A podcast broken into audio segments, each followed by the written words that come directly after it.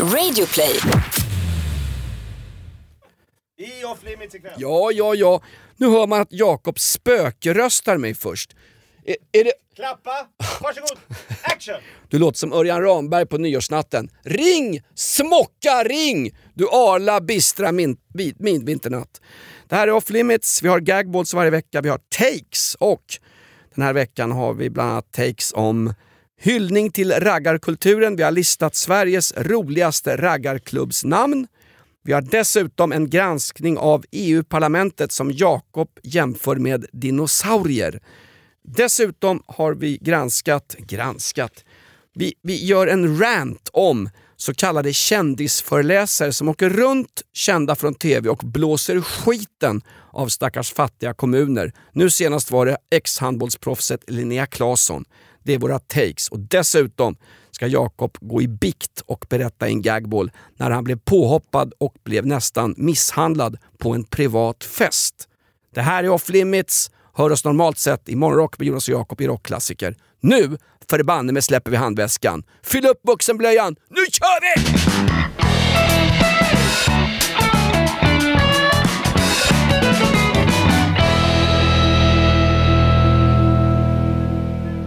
Ja, välkommen till Off Limits. Jag fick skit från förra veckan. Ja, det skulle du ha. Ifrån Vicky som jag är kär i men som har lämnat mig. Hon sa “Sluta avbryt Jakob hela tiden”. Fan vad du är jobbig Jonas.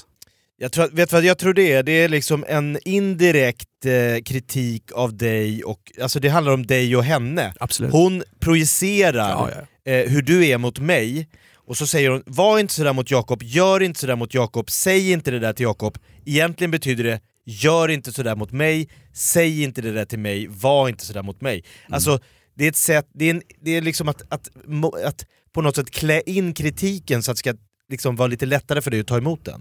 En projicering. Ja. Det tänkte jag också från början Jakob. Jag kan säga så här. Jag fastnade ju först för hennes fantastiska rumpa. Din röv Jakob är snyggare än hennes. Ja men det är det hon kommer säga nästa gång, så här, prata inte om Jakobs rumpa, eh, eh, objektifiera inte Jakob, han är mer än bara ett stycke kött. Ligg inte med honom. Nej exakt, och då menar hon ligg inte med mig. Hallå Lindskov, klipp bort mig. Får jag inte ligga med Jakob vill han vara med någon lågprispodd. Jakob, jag måste fråga dig, har du läst den fantastiska romanen Mina drömmars stad av Per-Anders Fogelström om sådana människor som dig som sliter, släpar, hostar blod och till slut slås sönder av industrialismens förtryck? Nej. Inte? Eh, den ligger på min... Eh, på mitt nattduksbord över böcker jag aldrig kommer läsa. Först ska vi ha Ninna ninna ninna na, ninna nanna ninna, ninna na, ninna ninna na. Veckans boktips. Nej, vänta. Veckans boktips. Mein Kampf av vår producent Jonas Lindskov i marscherande stövlar i ett kvarter i Nürnberg 1934.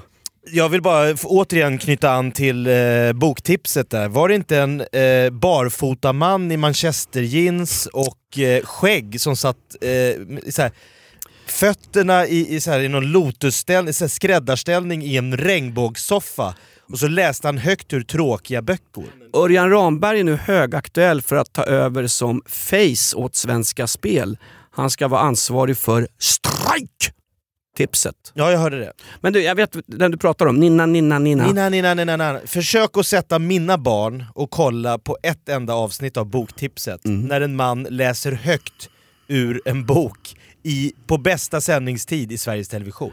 Han var alltså, det var Stefan Mellqvist hette han. Han var alltså han var chef för Svenska barnboksinstitutet på den tiden man brydde sig om vad barnen läste för litteratur innan barnen fick paddor och sitta och se amerikanska skitserier i. Nu börjar låta Så som... du slår ett slag för Mellqvist? Nej, jag vill, bara, jag vill bara framföra Pol Pots åsikter. Det är ingen som gör det här landet längre sen, sen han, vad hette han, rödvinsfyllot? Jan Myrdal gick ur tiden. Är han död? Nej, men han gick ur tiden.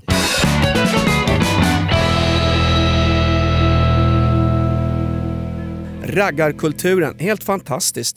Det är 2019, raggar, det finns väl inga raggare kvar i Sverige 2019?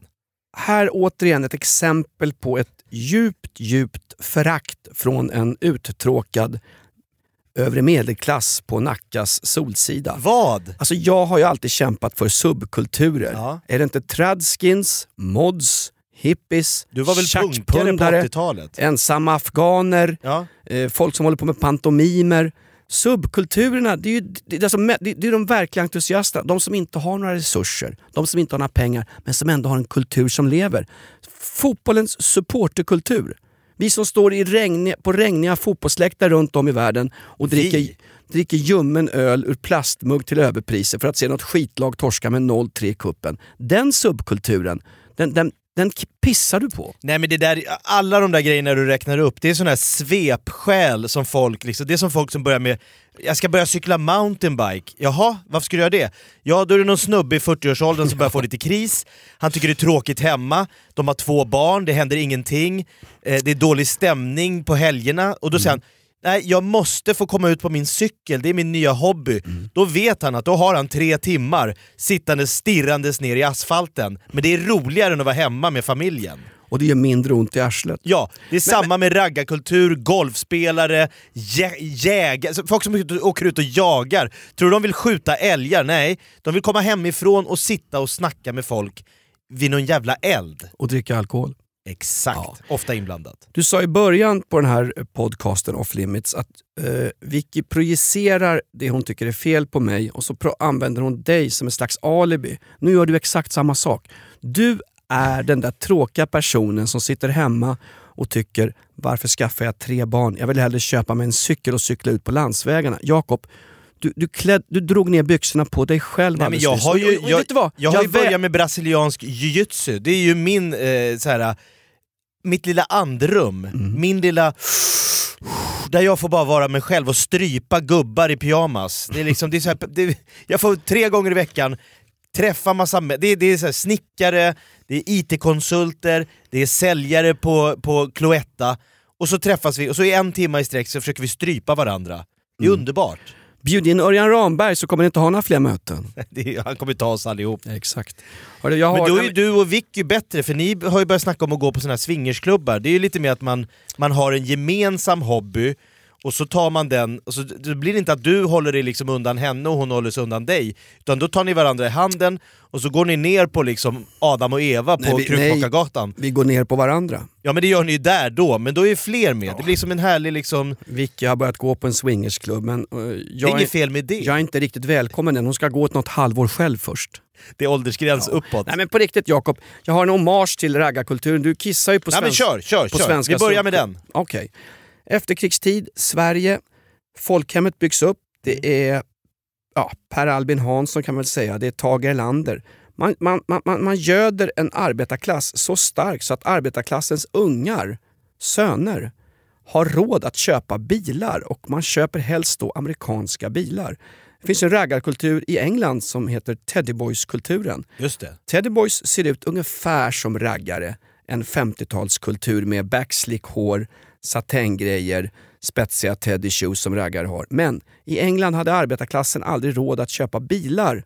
Åtminstone inte om man var son i arbetarklassen. I Sverige kunde man göra det. Där, därav uppkommer raggarkulturen, även i Norge och Finland. Och jag har faktiskt som en hommage till raggarkulturen eh, i veckan käkat hamburgare på Vega Burgerbar i Haninge. Som är, det är liksom, för islamisterna eh, och för dina IS-resenärer så är liksom Mecka i, i, i, i, det, Medina och Mecka är två heliga städer för Ja. världens alla muslimer. Vega hamburgerbar är ett slags en helig plats för En helig graal. där, där kan man, det är en av Sveriges absolut första hamburgerrestauranger och det här är inget reklamskit. Man kan bli matförgiftad där också, likväl som hemma hos Jakob på någon fin pissmiddag med svankött eh, runt kroppen på hans fru. Knölsvan. Faktum är att den, jag käkade en hamburgare där den veckan och där har de eh, på varje höst i augusti så har man en raggarfestival. Man hyllar den här kulturen som också har sina avarter, det ska jag säga. Man har ju sopat på folk i tider och polisen var ju den stora fienden på, på 60-70-talet. Men Får får jag bara lägga in en brasklapp där? Eh, det här är ju... Ja, eh, oh, oh, oh, oh. Sa, sa du brasklapp? ja, Det får du inte säga din vad rasist. ska man säga då? Brasksame. Ja, förlåt. En brasksame här. Eh, Vega grill, det är alltså, vi sitter i podcasten Off Limits, en av Sveriges snabbast växande poddar. Reklam. Eh, den största Reklam. podden i Sverige har ju Alexander Pärleros, den heter Framgångspodden. Alexander Pärleros som driver Framgångspodden, han har rekordet i att äta hamburgare på Vega hamburgerbar. Han har käkat 11 stycken 150-grammare. Det är fortfarande oslaget rekord på Vega bar och grill. Kort, jätteviktig fråga innan jag drar min lista här. Är Alexander Pärleros en del av den så kallade raggarkulturen? Ja, det blir han ju indirekt. Framgångsraggan. Han är, fort! han är top dog. Jag tror inte han vill vara Ja, men han det. har ju lite såhär, har du inte sett han har lite såhär brylkräm i håret, lite backslick. Vi har jobbat med den karln. vi känner ju honom väldigt, väldigt väl. Han- vet inte folk om. Han, han har ju helt försökt liksom mörka sitt förflutna, Ja, han- att ja. han hängde med oss ett tag på Ja, sent 90-tal. Han jobbar ju på rockklassiker ett tag som annonssäljare. Ja. Faktum är att Alexander Pärleros tillhör inte raggarkulturen, men han, har- han har väldigt flotta kostymer. Raggare har väldigt flotta hårfrisyrer. Frisyrer. Frisyrer. Ja, så är det. Får, jag- får jag återkomma till min lista? Absolut, jag ville bara Nu, nu är, upplysa dig.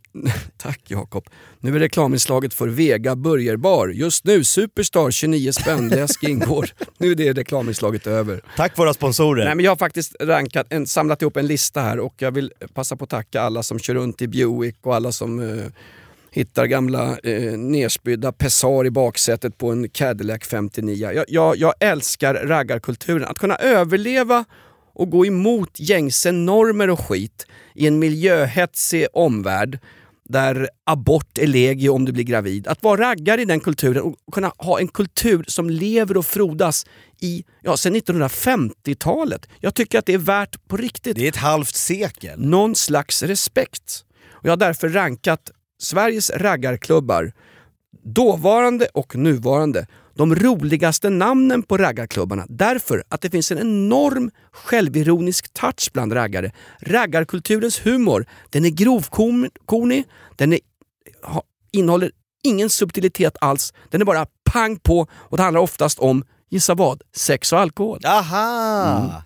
Sätta på, dricka ur, det är liksom centralt för raggarna när man åker runt i bilar. Ja. Här kommer listan Jakob. De roligaste raggarklubbsnamnen. Ja, Ja. det här är finalen på min gagball, en hommage till svensk raggarkultur. De roligaste raggarnamnen och eh, ja, genom tiderna i Sverige. Backseat Bumpers, Vällingby. Vällingby. Har de en raggarklubb? Det här var ingen raggarklubb, men jag ville få in den här. Min gamla polare Kilen Levin och Hasse Rogefelt körde runt i en bil, kallade sig raggare, det var en Volvo, men de kallar sig också för Backseat Bumpers. Jag tycker namnen på dina polare i Vällingby är nästan roligare än det där. Tratten och Finkel, det är liksom... eh, Kilen Levin är död. Ja, du ser. Mm, så sitt inte och hånpissa på honom. Nej, nej, jag bara säger att han har ett härligt namn. Bra kille, bodde på Härj- Härjedalsgatan 24. Vilka efterfester Kilen Levin kunde ha. Ja, Nej men snälla människa. jag litar på dig. Okej, vi går vidare. Ja. Roliga namn på svenska raggarklubbar. Ulricehamn, där finns det en raggarklubb som heter Shit Happens Cruising Club. Den är bra. Bra. Norra Skåne, det är flera småstäder där. Hör bland annat Snapphane Cruisers. Snapphanarna, det var väl de här som slogs mot danskjävlarna. Exakt. Ja, som, eh, utan dem, inget Sverige. Nej. De kallas idag för Malmö Ultras och slåss idag för Malmö FFs fotbollsklubb. Jag vet att eh, Dolph Lundgren vill göra en film om snapphanarna. Han vill göra liksom en actionrulle, en Hollywoodfilm. Vem är Rolf Lundgren? Dolph, sa jag Rolf? Jag går vidare. Dolph! Roliga namn på raggarklubbar i Sverige. Borås, de, de har en raggarklubb som heter Jönssonligan. Nej, det är ju lite... Okej att Jönssonligan åkte ju runt i en Men- stor men- Buick. Ska du kommentera varenda klubb och tycka till och såga här? Nej, jag bara säger det var bättring. Jag kör lite snabbare här då. Hur många har? Som, som Vicky brukar säga när jag ställer mig bakifrån med strap-onen på. Ja. Jönssonligan Borås. Vallentunas raggarklubb Dashboard Devils. ja, bra. Instrumentbrädesjävlarna. Ja. Klurigt. Tumba utanför Stockholm. Klurigt. Kort och gott bara Boosers.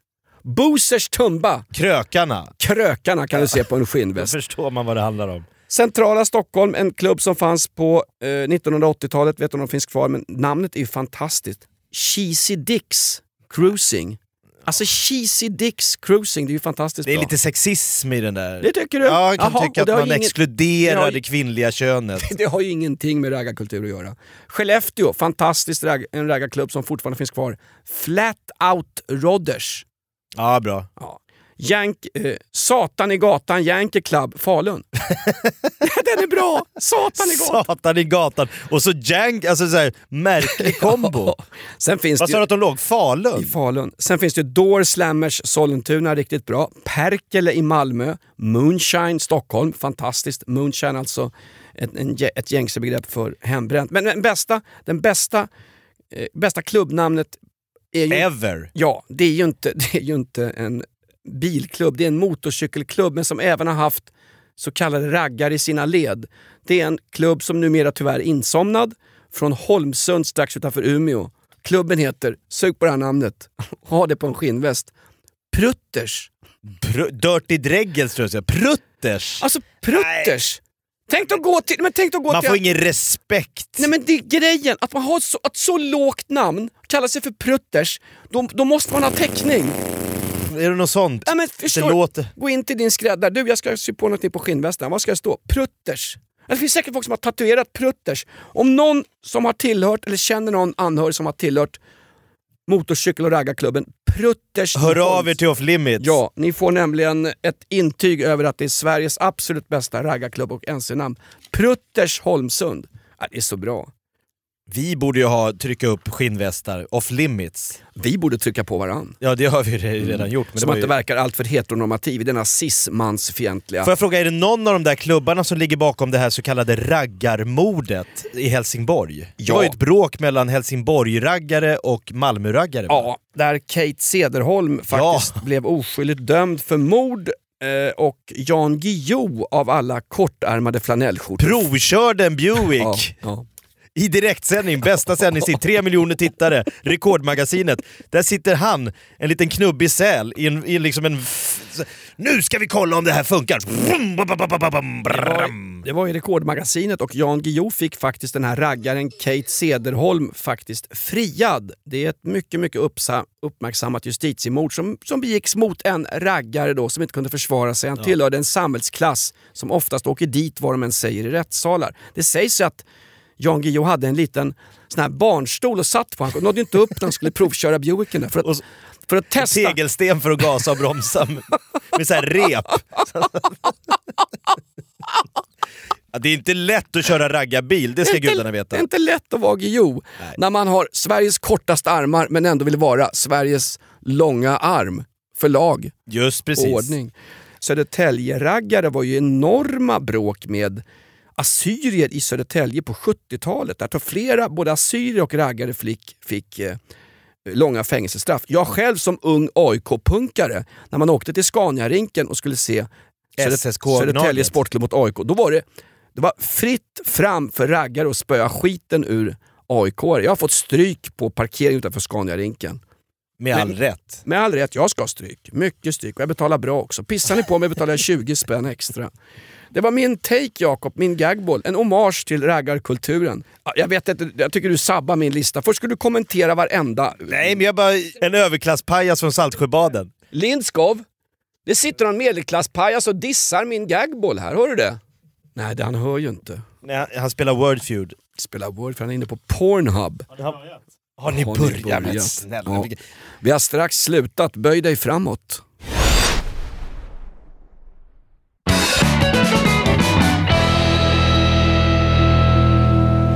Jakob, gagball nummer två. Jakobs take den här veckan. Din första gagball. Det är farligt Jonas med politikerförakt. Det har jag hört sedan jag var barn. Eh, Ja, men fast det någonstans så är Ja det... men det är farligt. Ja, Okej, jag köper det då. Det är liksom Ska jag, så få det, ska jag få det som svanktatuering? Vaggan i demokratin är att vi har folkvalda, vi går till valurnorna vart fjärde år, eh, stoppar vår lilla röst och då har vi gjort vårt. va? Jag har skitit i att rösta i många riksdagsval. Ja, du är en din- sån så kallad soffliggare. Blanda inte in mig i din förbannade demokrati. Jag är däremot skattebetalare så jag tycker gärna till. Ja, men det som gör dig då diskvalificerad från framtida debatter det är att om inte du går och röstar då kan inte du ligga och klaga på din soffa sen. Så ligger du kvar på sofflocket så är du inte med och klagar. Vad jag tror är liksom... ehm, det, är lite synd om man vill eh, att det här politikerföraktet ska avta när politikerna gör så mycket korkade saker som spär på politikerföraktet. Förstår du vad jag tänker? Ja men jaha okej, är, är det hon den här Emma... eh, Nej, nej, nej, det var ju en sak. Hon, eh, liberalen som hyrde sin mans lägenhet för en halv miljon kronor och så visade det sig att både hon och mannen bodde kvar i den här lägenheten. Exakt. Det är en sån sak som spär på eh, politikerföraktet. Mm. det- Även hon som satt i någon Ja, det var- dubbla styrelse och lyfte massa arvoden samtidigt som hon då satt i riksdagen. Så sa hur fan hinner du med allt? Ja, jag jobbar effektivt, jag läser inte, jag, jag, jag tränar inte, jag, jag, jag, är liksom, jag är mycket mer effektiv. Tänker man, hur är det ens ett heltidsjobb blir man lite förvånad. Det är bra när Jan Björklund, Liberalerna, går ut och säger att det måste bli mer ordning och reda i skolan. Snälla Jan Björklund. 1. Du skulle lämna politiken. Tack, inga mer debatter. 2. Vad sägs om lite ordning och reda i ditt parti där fuskarna står som metspön i backen på ren svenska? Snälla någon. Kasta inte sten. Ja, jag vet att partiet är liberalt, men det ska väl inte vara så förbannat liberalt som man kan fuska hur man vill. Det var inte den typen av liberalism vi skulle ha. Nej, men då tänker man så här, men våra EU-parlamentiker, där är ordning och reda. Där jobbar man, sliter, där har man liksom inte tid att liksom hålla på och tramsa som vi gör i Sverige. Nej, då kommer TV4 i veckan med en eh, litet eh, reportage om att eh, Sverige har de värsta och sämsta eh, EU-parlamentarikerna när det kommer till närvaro. De är knappt där överhuvudtaget. Hette reportaget möjligen Gunnar Hökmark, Moderaterna? Nej, det handlar om en miljöpartist och hon får försvara sig här. Jag ska se om du tycker hon gör ett bra jobb i sitt försvarstal. Så här lät det i TV4 i veckan.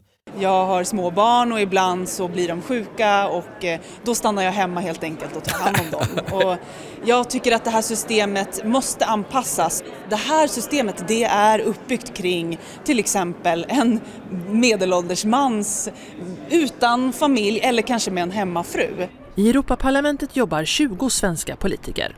För detta får de en månadslön på 90 000 kronor före skatt, drygt 3 000 kronor i traktamente per dag och cirka 45 000 kronor i månaden i så kallade kontorspengar.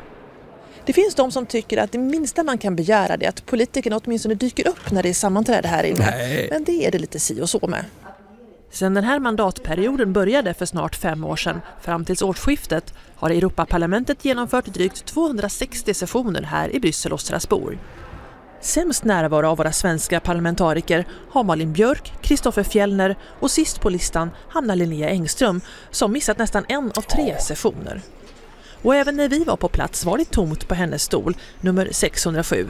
Istället var hon här, i Luleå, på ett jämställdhetsseminarium. Jag vill inte ursäkta att man är borta, jag tycker att det är väldigt viktigt med närvaro.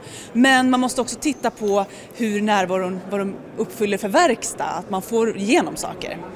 Men du tror inte att det sticker lite i ögonen ändå på, på väljare att du inte är här mer ändå? Men det man måste förstå är att det här systemet är inte jämställt. Ah, där var problemet Jonas, förstår du. Det är ju uppbyggt för vita medelålders män med hemmafruar. Är man då en vanlig tjej Ah, okej. från Miljöpartiet, kommer dit, man har lite barn, det är lite strul. Då räcker ju såklart inte 90 000 kronor i månaden för henne att anställa en barnflicka. Eh, 3 000 kronor om dagen i traktamente, 5 000 kronor i månaden till diverse. Det är klart att inte hon har råd att anställa en barnflicka och åka ner och sitta på de här mötena som hon är invald av svenska folket för att sköta. Jag förstår henne! Ja. Nej men någonstans, jag fick en, jag fick en, en aha- aha-upplevelse. Min lilla G-punkt i stjärten började vibrera febrilt. Jag fick en helt annan bild av TV4. Ett lysande bra reportage. Jag trodde TV4 bara var Mandelmans-Fångarna på fortet featuring Farmen VIP med Ola-Conny som ligger med Camilla Henemark. Vet du vad? Det här var lysande bra journalistik. Jag kan överhuvudtaget inte bedöma sånt, men jag kan bara säga lysande bra journalistik. Och jag tänkte när jag hörde henne prata om att barn kunde bli sjuka. Jag tänkte, jag tänkte med en gång, hon, är på, hon sitter med på ett av tre möten i EU-parlamentet. 25% av, av, av arbetstiden är hon på plats. Självklart! Självklart är inte hon ansvarig för det. Det är ju patriarkatets fel. Ja. Det är ju samhällssystemet där vita cismän med hängpungar Förtrycker. ska sitta i parlamentet som har hemmafruar. De satt ju när de skulle bygga parlamentet, hur ska vi få det här så könsojämlikt som möjligt? Men jag bara tänker så här. Eh, sjuka barn, det har alla. Det är inte bara er- EU-parlamentarikerna. Men de flesta är väl på jobbet mer än en tredjedel. Även fast man är kanske då en ensamstående kvinna, ensamstående man, eh, man kanske har Ah, ah, ah, ah. nyskild. Ensamstående transperson och så måste du säga ensamstående hbtq-person. Ja men det är så märkligt att det är just då EU-parlamentarikerna som har det här problemet att det är tufft, jag får det inte att gå ihop, det är liksom stressigt, det är pressigt. Man har liksom inte tänkt när man byggde EU att folk är ensamstående med barn. Utan man har tänkt att det bara är vita medelålders män med hemmafruar. Så är systemet tänkt. Gunnar Hökmark, Moderaterna, han är, en sån. han är en sån. Så han har ju tid att vara där och rösta. Han har ju tid att åka ner och representera sitt, sitt, liksom, sitt parti som han hade blivit invald eh, i, i, Fast den- i EU-val. I just Gunnar Hökmarks fall Det är kanske är bättre om man håller sig borta. Där var det en slags recycling. De, de skickade han till återvinningsstationen för att bli av med honom. Schlingman och Reinfeldt skulle göra det, det nya Moderaterna. Arbetslinjen skulle gälla. Öppna era hjärtan men framförallt öppna era plånböcker, era satans rasistsvenskar. Nu ska vi satsa på att eh, ta emot så många kvotflyktingar som möjligt. Då åkte ju Gunnar Hökmark, han är på, det hör ju, en gammal hök. Han åkte, de, de dumpar ju skiten i Bryssel. Ja men det är ju lite av en ele elefant eh, kyr kyrkogård. Här, folk som inte pass, passar i partiet. Per Gahrton och sådär liksom. Du, Eh, ja, men de, det här går inte, de är inte representativa. Frakta dem till Bryssel. Mm. Och Per Gahrton är dessutom en, en, en avog EU-motståndare. Ja, Så han ja, ja. sitter ner och lyfter traktamenten i EU där han inte ens tillhör. Men vet du vad? Kalla inte EU-parlamentet för en ele- elefantkyrkogård. För då kommer Dumbo och Pellefant mejla oss. Du menar att vi kränker Och, en och, hel och Kalana, art? Kalanag, som är en av elefanterna i Djungelboken, blandat ihop hy hyggliga vanliga elefanter med sina snablar med parasiterna som sitter i ett EU-parlament. Nej, jag bara säger så här, man ska inte spä på politikerföraktet genom att spela upp klipp från TV4 där de visar hur jävla dumma i huvudet de är. Men nu råkade jag göra det, jag bara handlar, det är bara en liten, en liten, en liten, så, som en liten pet i, i midjan på alla politiker. Sköt er på jobbet så kommer vi tycka att ni gör ett bra jobb.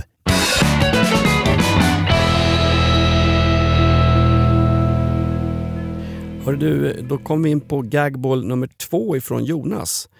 Eh, bara en snabbis, det här med åldersgränser är roligt i Sverige. Det är 18-årsgräns för att köpa Red Bull energidryck i livsmedelsbutiker. Det är 18-årsgräns för att tatuera sig. Det är väldigt noga med sånt. Fråga mig, min Det son, tror jag är bra. min son vill eh, tatu- ha, nämligen svanktatuera en i taget grabbar. Men det fick han inte för då var inte han 18 år. Sen är det också åldersgräns 15 år för att gå på bio. Nu Ja, kommer... men får jag bara fråga, om du godkänner din son, kan du gå ner och säga att jag går i god för att min son får tatuera en i taget? jag har inte ens godkänt att han är min son. Nej men då är det kört. Vi har topsat tandköttet på fanskapet och hittat ostbågsrester. Ja. Så han är troligen min son. Vi gillar ju skräpmat bägge två. Och sen är det då, vad jag ska komma till det här med åldersgränser. Nu är det 15-årsgräns för könskorrigering på Karolinska. Och Karolinska uttalade sig i veckan i Dagens Nyheter och sa vi har könskorrigerat 14-åringar. Snälla, Du behöver alltså inte ens vara myndig? korrigera vilket kön du vill. Slit av dig förhuden, stoppa in den i rumpan, bli kvinna, gör vad du vill. Korrigera ditt kön hur mycket du vill. Men du ska vara 18 år tycker jag. 15-åringar, många av de här som könskorrigerar korrigerar är redan kända hos BUP och inom den psykiatriska hälsovården. Många av de här barnen far illa Jakob.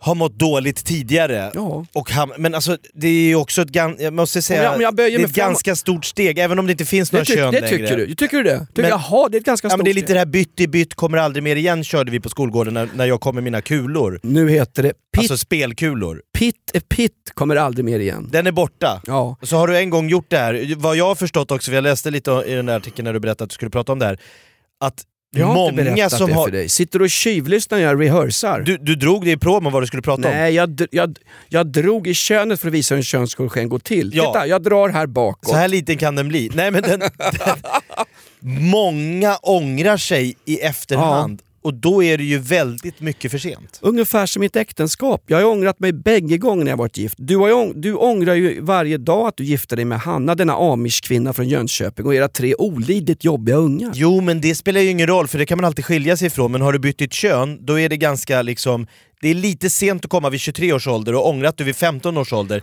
gick från kvinna till man. Det är väl bara att ringa upp. Hej, hör du, jag bytte kön med dig på 90-talet. Kan jag få tillbaks min mikropenis? men jag, jag är inte här. nöjd med din sladdriga vagina. Förresten, har jag ringt rätt? Är det här farmen Kristina? Nej men vänta lite, tror du att ett könsbyte är att två personer byter med varann? Lindskav. Jag försökte, Det skä- är inte... jag försökte skämta men Gunnar Hökmarks bastardson sitter där och totalt trashar det. Nej men könsbyte är att du byter från ett kön till ett annat. Det, ingen, det är inte så här, det är, ingen, det är inte blocket. Inte- Könskorrigering är när man tycker den svänger lite åt vänster vid erektion så böjer man till, man korrigerar så. Exakt. Exakt. Det här är en- enligt Karolinska institutets senaste rön. Ja, men eh, det är 11-årsgräns. Nej, Det- 14 sa du. Har de alltså bytt kön på 14-åringar? Ja. Nej, men det är ju, Ja.